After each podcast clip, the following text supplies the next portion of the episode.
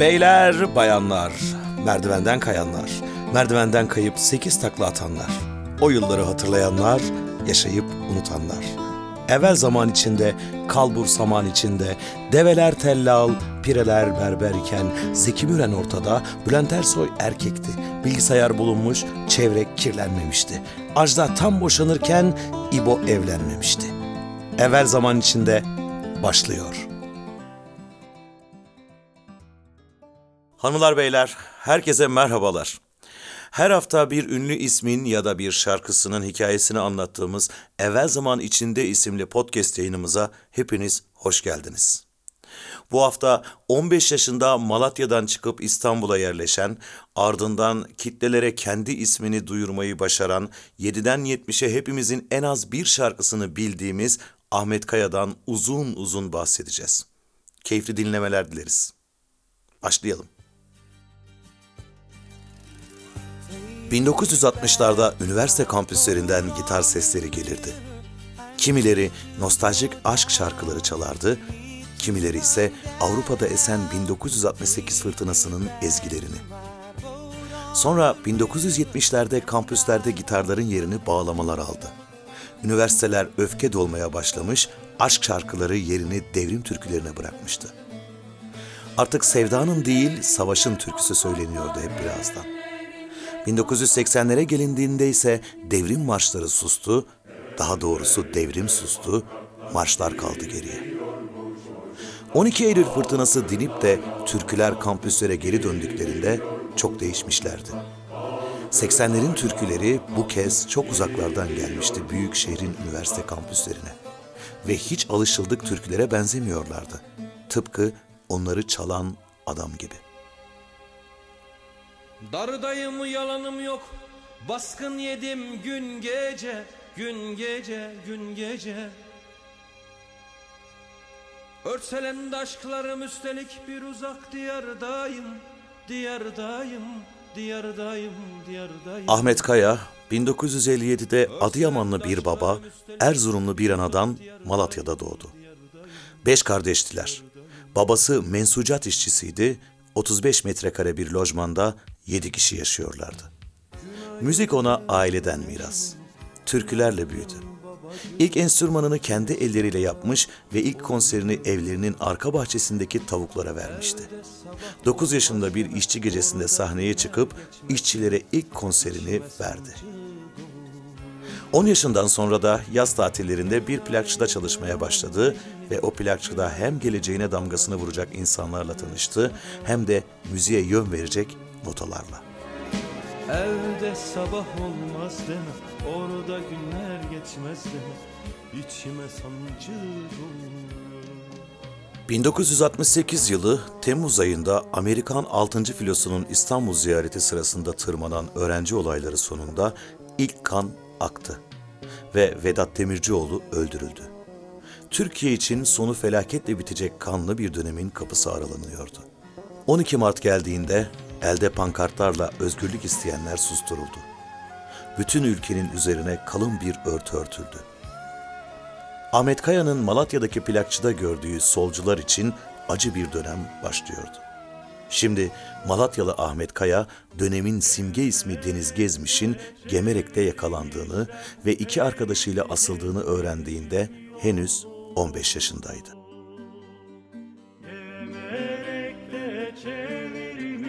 Çevirmişler denizi gezmişin yolunu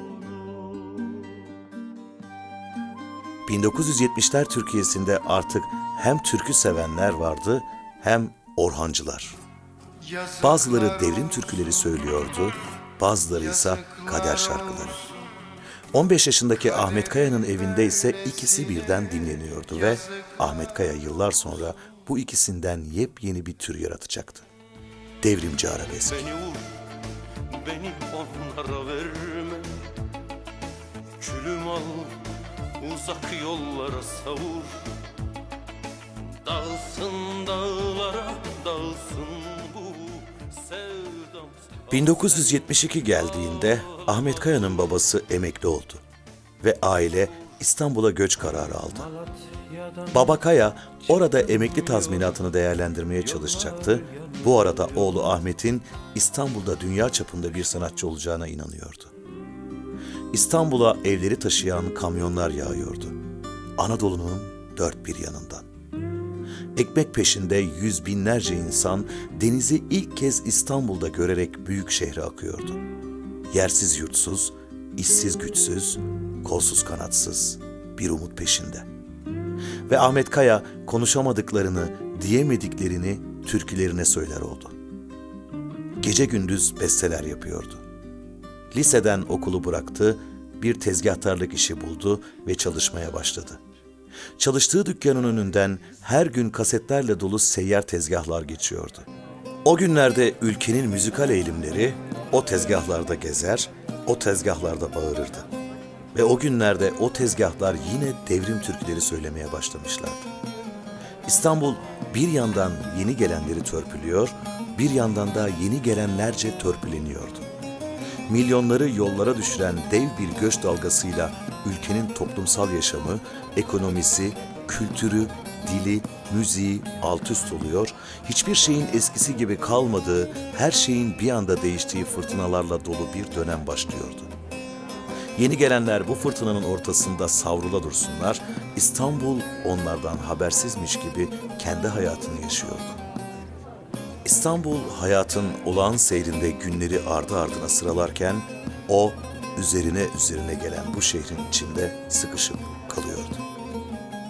Bir gün bir düğün salonunun önünden geçerken içerideki insanların büyük bir iştahla nasıl eğlendiğini, hiçbir şeyi düşünmeden oynadıklarını, göbekler attığını görünce dayanamadı. Attı kendini o hiç tanımadığı düğünün orta yerine. Onlar gibi yapıp kimseye aldırmadan hatta yaşadığı bu şehirden, içinde sıkışıp kaldığı bu hayattan hınç alırcasına başladı oynamaya. Geçim sıkıntısı, büyük kentteki yaşam zorluğu ve afişlemeler ve polisle kovalamacayla harcanan bir gençlik. Ahmet Kaya o çok bunaldığı gece yarısı yabancısı olduğu düğün salonundan çıkıp ağlayarak eve yürürken hayatının akışını değiştirecek insanlar onu orada bekliyorlardı. Yeşil bir Anadolu'nun içinde. Anadolu Şişli'deki emniyet amirliğinin önünde duruverdi. Ahmet Kaya orada içeriyle tanıştı. Sonraları yıllarca türkülerine konu edeceği işkenceye, eziyete tanık oldu. Koğuşu, kelepçeyi, zindanı gördü. Bugün düşünemeyeceğin kadar başım belada Artık başı beladaydı. Sadece Ahmet Kaya'nın değil, ülkenin de. Yeni bir darbe arefesinde yeni bir kanlı perde açılmak üzereydi. Ve açılış töreni İstanbul'un en geniş meydanında en anlamlı günde yapıldı. 1977'nin 1 Mayıs'ıydı. Sakalıyla bir eşkıya gezinmekte. Başım belada Adamın biri vurulmuş sokakta Cebinde adresim bulunmuş. Başım belada Tabancamı unutmuşum helada Nereden baksan tutarsızlık Nereden baksan tutarsızlık Nereden baksan ahmakça Kanlı 1 Mayıs'tan sonra artık söz susacak ve sadece silahlar kan ve kin konuşacaktı. Ülkede sabotajlar, suikastler, cinayetler, katliamlar birbirini izledi. Maraşlar, Çorumlar ateşe verildi. Türküler de meydanlar gibi öfke doluydu artık. Sazlar sadece savaştan, devrimden ve silahtan söz ediyordu. Ahmet Kaya'nın da ustaların izinden yürüdüğü günlerdi o günler. Ahmet Kaya da o dönemde devrimci gecelerde türküler söylemeye başladı. Hırsla, hınçla çalıyordu sazını. Zamanla dönemin en önde gelen devrim türkülerini söyleyen Ruhi Su'nun ağırbaşlı tarzına içinin ısınmadığını hissediyordu. Onun bağlamayla ilişkisi farklıydı. Ahmet Kaya kendi tarzını aradığı o yıllarda bir gün Boğaziçi Üniversitesi'ne Ruhi Su Usta'nın karşısına çıktı ve onun mahsus mahal türküsünü öfkeyle çalmaya başladı. Mahsus mahal dedik Ler zindanda Kalıram kalıram kardeş Dostlar yandadır İkellerim kızım kandadır kanda Ölürem ölürem ölürem ölürem ölürem kardeş Dostlar yandadır İşte o an Ruhi Su türküsünün böyle değiştirilmesine isyan etti. Bu türkü böyle mi okunur? At teper gibi bağlama mı çalınır diyerek büyük bir hiddetle onu susturdu. Ahmet Kaya inatla yıllar sonra vereceği bir konsere bağlama böyle de çalınır adını verecekti. Adeta Ruhi Su'nun eleştirisine cevap veriyor, ustalara meydan okuyordu. 80'ler yaklaşırken kapıyı çalan Yeni Hayatın türküsü Ruhi Su'nun türkülerinden çok farklı olacaktı. Ancak dönemi noktalayan türküyü söylemek Hasan Mutlucan'a kısmet oldu. Günlerden bir gün radyoda onun Serhat türküleri duyuldu ve diğer tüm türküler sustu. İhtilal olmuştu.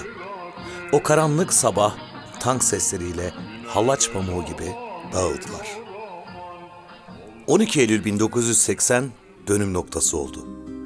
Devrimciler içeri tıkıldı, devrim türküleri sustu, solcular tutuklanırken Ruhi Su pasaport alamadığı için can verdi.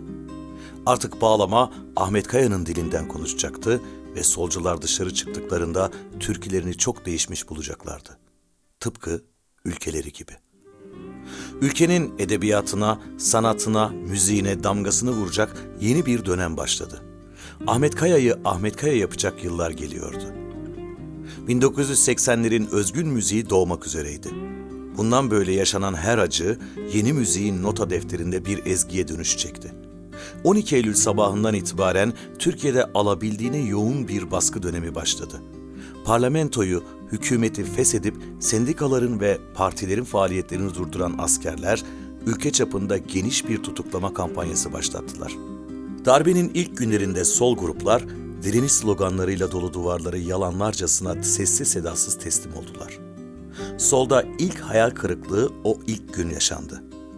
İzleyen yıllar içinde 12 Eylül rejiminde tam 50 bin kişi gözaltına alınacak, 50 kişi idam edilecek, 55 kişi işkencede ölecek, 15 bin kişi siyasal nedenlerle mahkum olacaktı.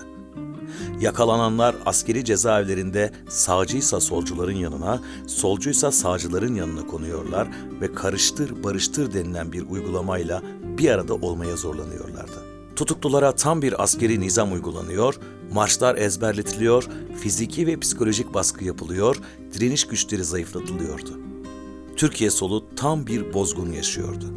İzleri yıllarca silinmeyecek ağır bir bozgun. Kimileri 20 yaşında içeri girip bütün bir gençlik dönemini koğuşlarda bırakıp yaşlanmış olarak çıktılar.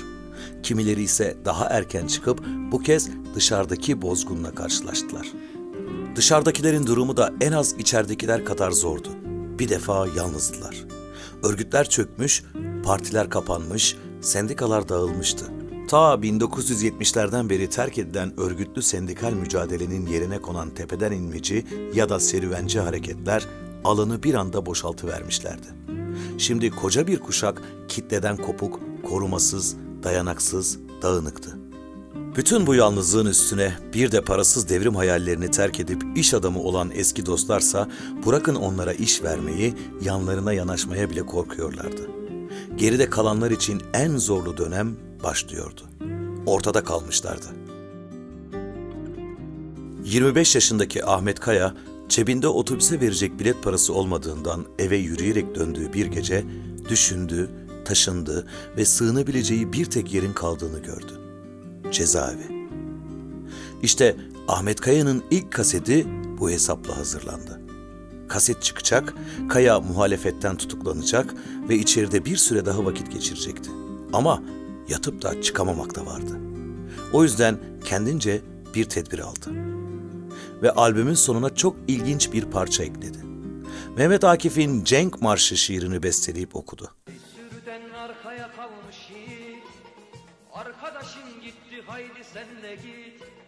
Bak ne diyor ceddi şehidin işit Haydi git evladım uğurlarla Böylece Ahmet Kaya 1985 yılında içeri girme niyetiyle ve eş dosttan toplanan paralarla stüdyoya kapandı ve yıllarca biriktirdiği türkülerini söyledi. Türküleri avluda volta atanlardan, mapusta açmayan çiçeklerden, gönüldeki eski sevdalılardan söz ediyor, adeta içeri düşmüş bir kuşağın acılarını tercüme ediyordu. Kasetteki bütün besteler kendisine aitti. Bozuk bir Türkçe ile yer yer yılgın, bazen de asi bir edayla söylüyor, ezik, kırık, dağınık bir kitleye sesleniyordu. Gerçi darbenin üstünden beş yıl geçmişti ama Türkiye hala sessizdi. Bütün muhalif sesler bastırılmış, kimselerin sesi soluğu çıkmaz olmuştu. Türküler susmuştu. 12 Eylül öncesinin türkülerini söyleyen Ruhi Su, tedavisi için yurt dışına gitmesi gerekirken pasaport verilmediği için öldü. Onunla birlikte müzikte bir dönemde kapanmış oluyordu. Şimdi yeni dönemin yeni türküleri söylenecekti. Ahmet Kaya tam da Ruhi Su'nun öldüğü yıl kasetini tamamladı ve piyasaya çıkacağı gün annesiyle vedalaşmaya gitti. Ahmet Kaya'nın ilk kaseti Ağlama Bebeğim 1985 yılında çıktı. Kaya kasetin piyasaya verildiği gün polislerin gelip kendisini almalarını bekleye dursun, işler hiç öyle gelişmedi. Kaset birden peynir ekmek gibi satılmaya başlandı. Ağlama Bebeğim çok kısa sürede 450 bin gibi müthiş bir satış rakamına ulaştı.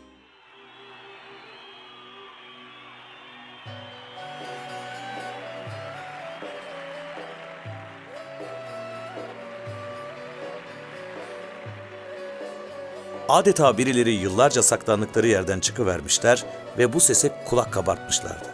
Herkes şaşkına döndü. Tabii en çok da Ahmet Kaya. Mahkum olacakken şöhret olmuştu.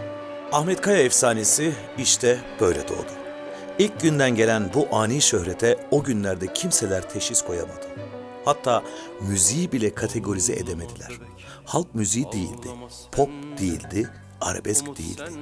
Sonunda un kapanı bu yeni müziğe yeni bir isim taktı. Devrimci arabesk.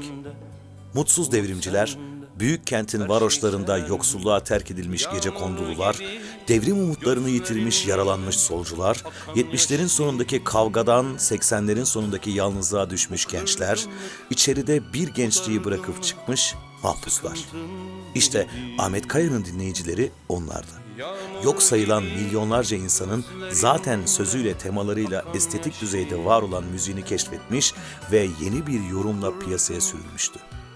1960'ların sonundaki bilinçli ve örgütlü mücadele darbede iyice yönsüz kalmış, kitleler hedefsiz öfkelerini soldan sağa, sağdan sola yöneltir olmuşlardı. O yüzden Kaya hem solcularca hem sağcılarca eleştirilse de her iki kesimden de dinleyici buluyordu. O bilinmeyen dinleyici kitlesi ilk konserlerde ortaya çıkıp kendini gösterdi. Çoğu 12 Eylül'ün sillesini yemiş tepkili genç insanlardı. Ahmet Kaya'nın müziğinde eski sloganlarını eskiden dinlemeye utandıkları bir melodiyle dinliyor, pes ediyorlardı. Un kapanı başta bu asi ve tuhaf müziğe direndi ama Kaya'nın kasetinin reklamsız, medya desteksiz bu kadar büyük bir satış yapması üzerine kayıtsız kalamadılar. Yeni kasetler için faaliyete geçtiler. 1986'da iki kaset daha çıkardı. Ülkenin gündeminde ne varsa Kaya'nın müziğinde de o vardı. Acılar, işkenceler, hapishane kapısında analar, kapılarda, görüşlerde oğullarını, kızlarını beklerken Kaya idamla yargılanan bir mahkumun şiirinden onların türküsünü söylüyordu. Şafak türküsüydü o.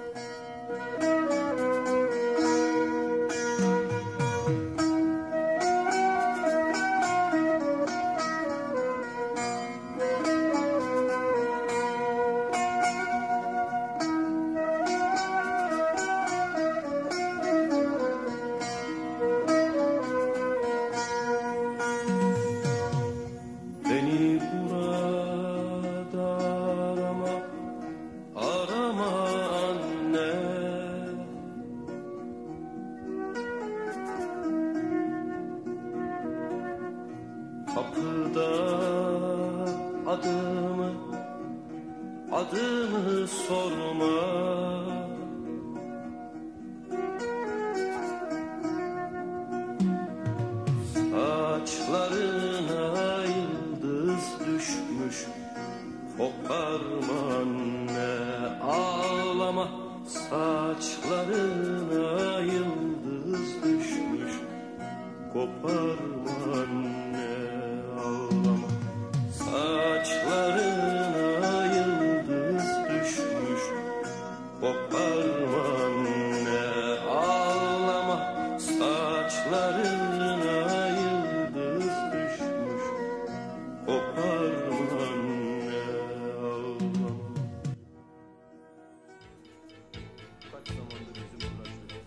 1980'ler biterken Baş Kaldırıyorum ve Yorgun Demokrat adlı iki kaset daha geldi. Ahmet Kaya sesini duyuramayanların isyanını haber veriyordu. Ama aynı zamanda bu isyanda yorgunluğun izleri de vardı. Yorgun Demokrat 80'lerin sonunda 10 yıldan arta kalan manzarayı ve insanları anlatıyordu. Sadece Ahmet Kaya değil, bütün Türkiye yorgundu. 80'ler ardında binbir acı, kargaşa ve yalnızlık bırakarak gidiyordu. 90'larda Türkiye gibi Ahmet Kaya'da yenilenecek farklı temalar, yeni tartışmalar ve yine milyonluk satışlarda gündemde olacaktı. 90'lar başlarken artık büyük şöhretli Ahmet Kaya birbiri ardınca kasetler yapıyor, türküleri dilden dile geziyor, konserlerinde yüz binlerce insan toplanıyordu. Ancak bir yandan da hem iktidarın yoğun baskılarıyla karşılaşıyor hem de her yerden, her kesimden yoğun eleştirilerin hedefi oluyordu. Kimileri onu devrim ticaretiyle, kimileri duygu sömürüsüyle suçluyordu. 80'lerin ortalarından itibaren Kürt sorununun tırmanması üzerine Ahmet Kaya şarkılarını dağlara söylemeye başladı. 1980'lerin ortalarından itibaren Türkiye PKK ile tanıştı.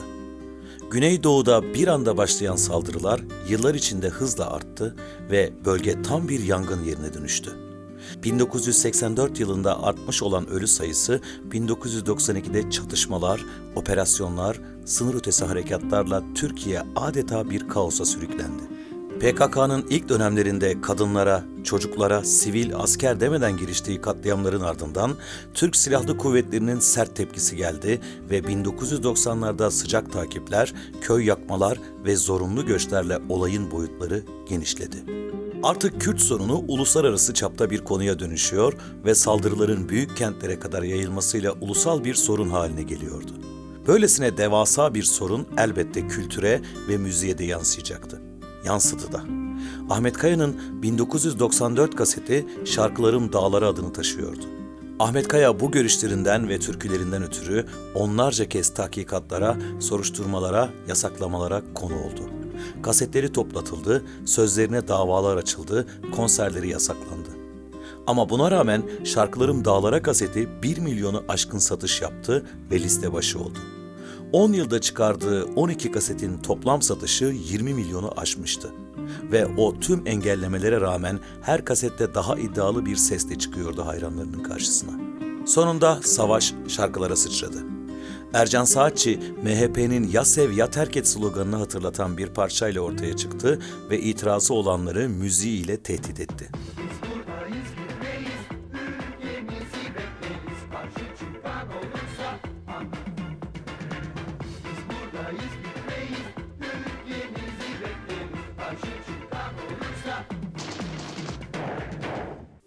Ahmet Kaya öfkesini türkülerine yansıttı ancak eleştiriler burada bitmedi. Kimileri Kaya'yı yoksulluk edebiyatı yapmakla suçlarken, kimileri de krallar gibi yaşamakla, silah çekip olay çıkarmakla, lüks arabalarla gezmekle, hatta tırnaklarını manikürlemekle suçladılar. Ahmet Kaya gibi düşünen, onun kadar öfkeli ve yoksulluğuna bir an önce son verip refahtan pay almak için isyan eden çok insan vardı. Kentin varoşları benzer taleplere ayaklanıyorlardı ve Ahmet Kaya'nın asıl dinleyicisi de onlardı. Varoşlardaki yoksulluk, ezilmişlik insanları hızla radikalleştiriyor ama bu bilinçsiz ve örgütsüz öfke büyük kentin dışladığı genç insanları bazen politik yelpazenin en soluna, bazen de en sağına itiyordu. Ancak hepsinin ortak paydaları mevcut düzene duydukları tepkiydi. Bu yüzden de bu tepkiyi dillendiren Ahmet Kaya'nın sesi hepsine hitap ediyordu. Bu çağrı üzerine Ahmet Kaya'nın özgün müziği bir ekol oldu. Özgün müzik listeleri birden yeni Ahmet Kayalarla doldu. Her kesim kendi starını yetiştirmeye başladı. Fatih Kısaparmak gibi daha çok sağa seslenen müzisyenler yetişti. Hatta zamanla Ahmet Kaya türü müzik yapan İslami müzik toplulukları ortaya çıktı. Ahmet Kaya ise şık giysiler içerisinde televizyon programları yaparak, yeni kasetler çıkararak, kliplerine yönetmenlik yaparak, şiir klipleri çekerek şöhretine şöhret katmayı sürdürdü. Şiirlerde yitik arkadaşların ve içten içe çürüyen bir kuşağın yaşadığı o talihsiz maceranın hazin öyküsünü anlatmayı sürdürdü. Nasıl 1970'ler İstanbul'daki çaresizlik Orhan Gencebay'ı yarattıysa 1980'ler Türkiye'sindeki baskıya tepki olarak gelişen radikalleşme de Ahmet Kaya'yı yarattı. Büyük bir bozgundan arta kalan yüz binlerce öfkeli insan devrimciliğiyle, arabeskiyle, örgütsüzlüğüyle, başkaldırısıyla övülen bu asi adamın türkülerini söylediler hep birazdan. İçleri daraldı ve keşke dediler. Olmasaydı sonumuz böyle. Yaşarıyor, yanıyor Olmasaydı sonumuz böyle. Gözüm yaşarıyor, yüreğim kanıyor. Olmasaydı sonumuz böyle. Biri saksımızı çiğneyip gitti. Biri duvarları yıktı, camları kırdı. Fırtına gelip aramıza serildi. Biri milyon kere çoğaltıp hüzünleri, her şeyi kötüledi, bizi yaraladı. Biri şarabımızı döktü, soğanımızı çaldı. Biri hiç yoktan vurdu kafeste kuşumuzu. Ciğerim yanıyor, yüreğim kanıyor. Olmasaydı, olmasaydı sonumuz böyle. Hanımlar beyler bu hafta sizlere acısıyla tatlısıyla hayatımıza bir şekilde temas etmiş, sohbetlerimize konu olmayı başarmış Ahmet Kaya'dan bahsetmeye çalıştım dilim döndüğünce. Sosyal medya hesaplarımızı takip ettiğiniz gibi podcast yayınlarımızda takip etmenizi ve Instagram sayfamızda fikirlerinizi, yorumlarınızı ve eleştirilerinizi bekliyor olacağım.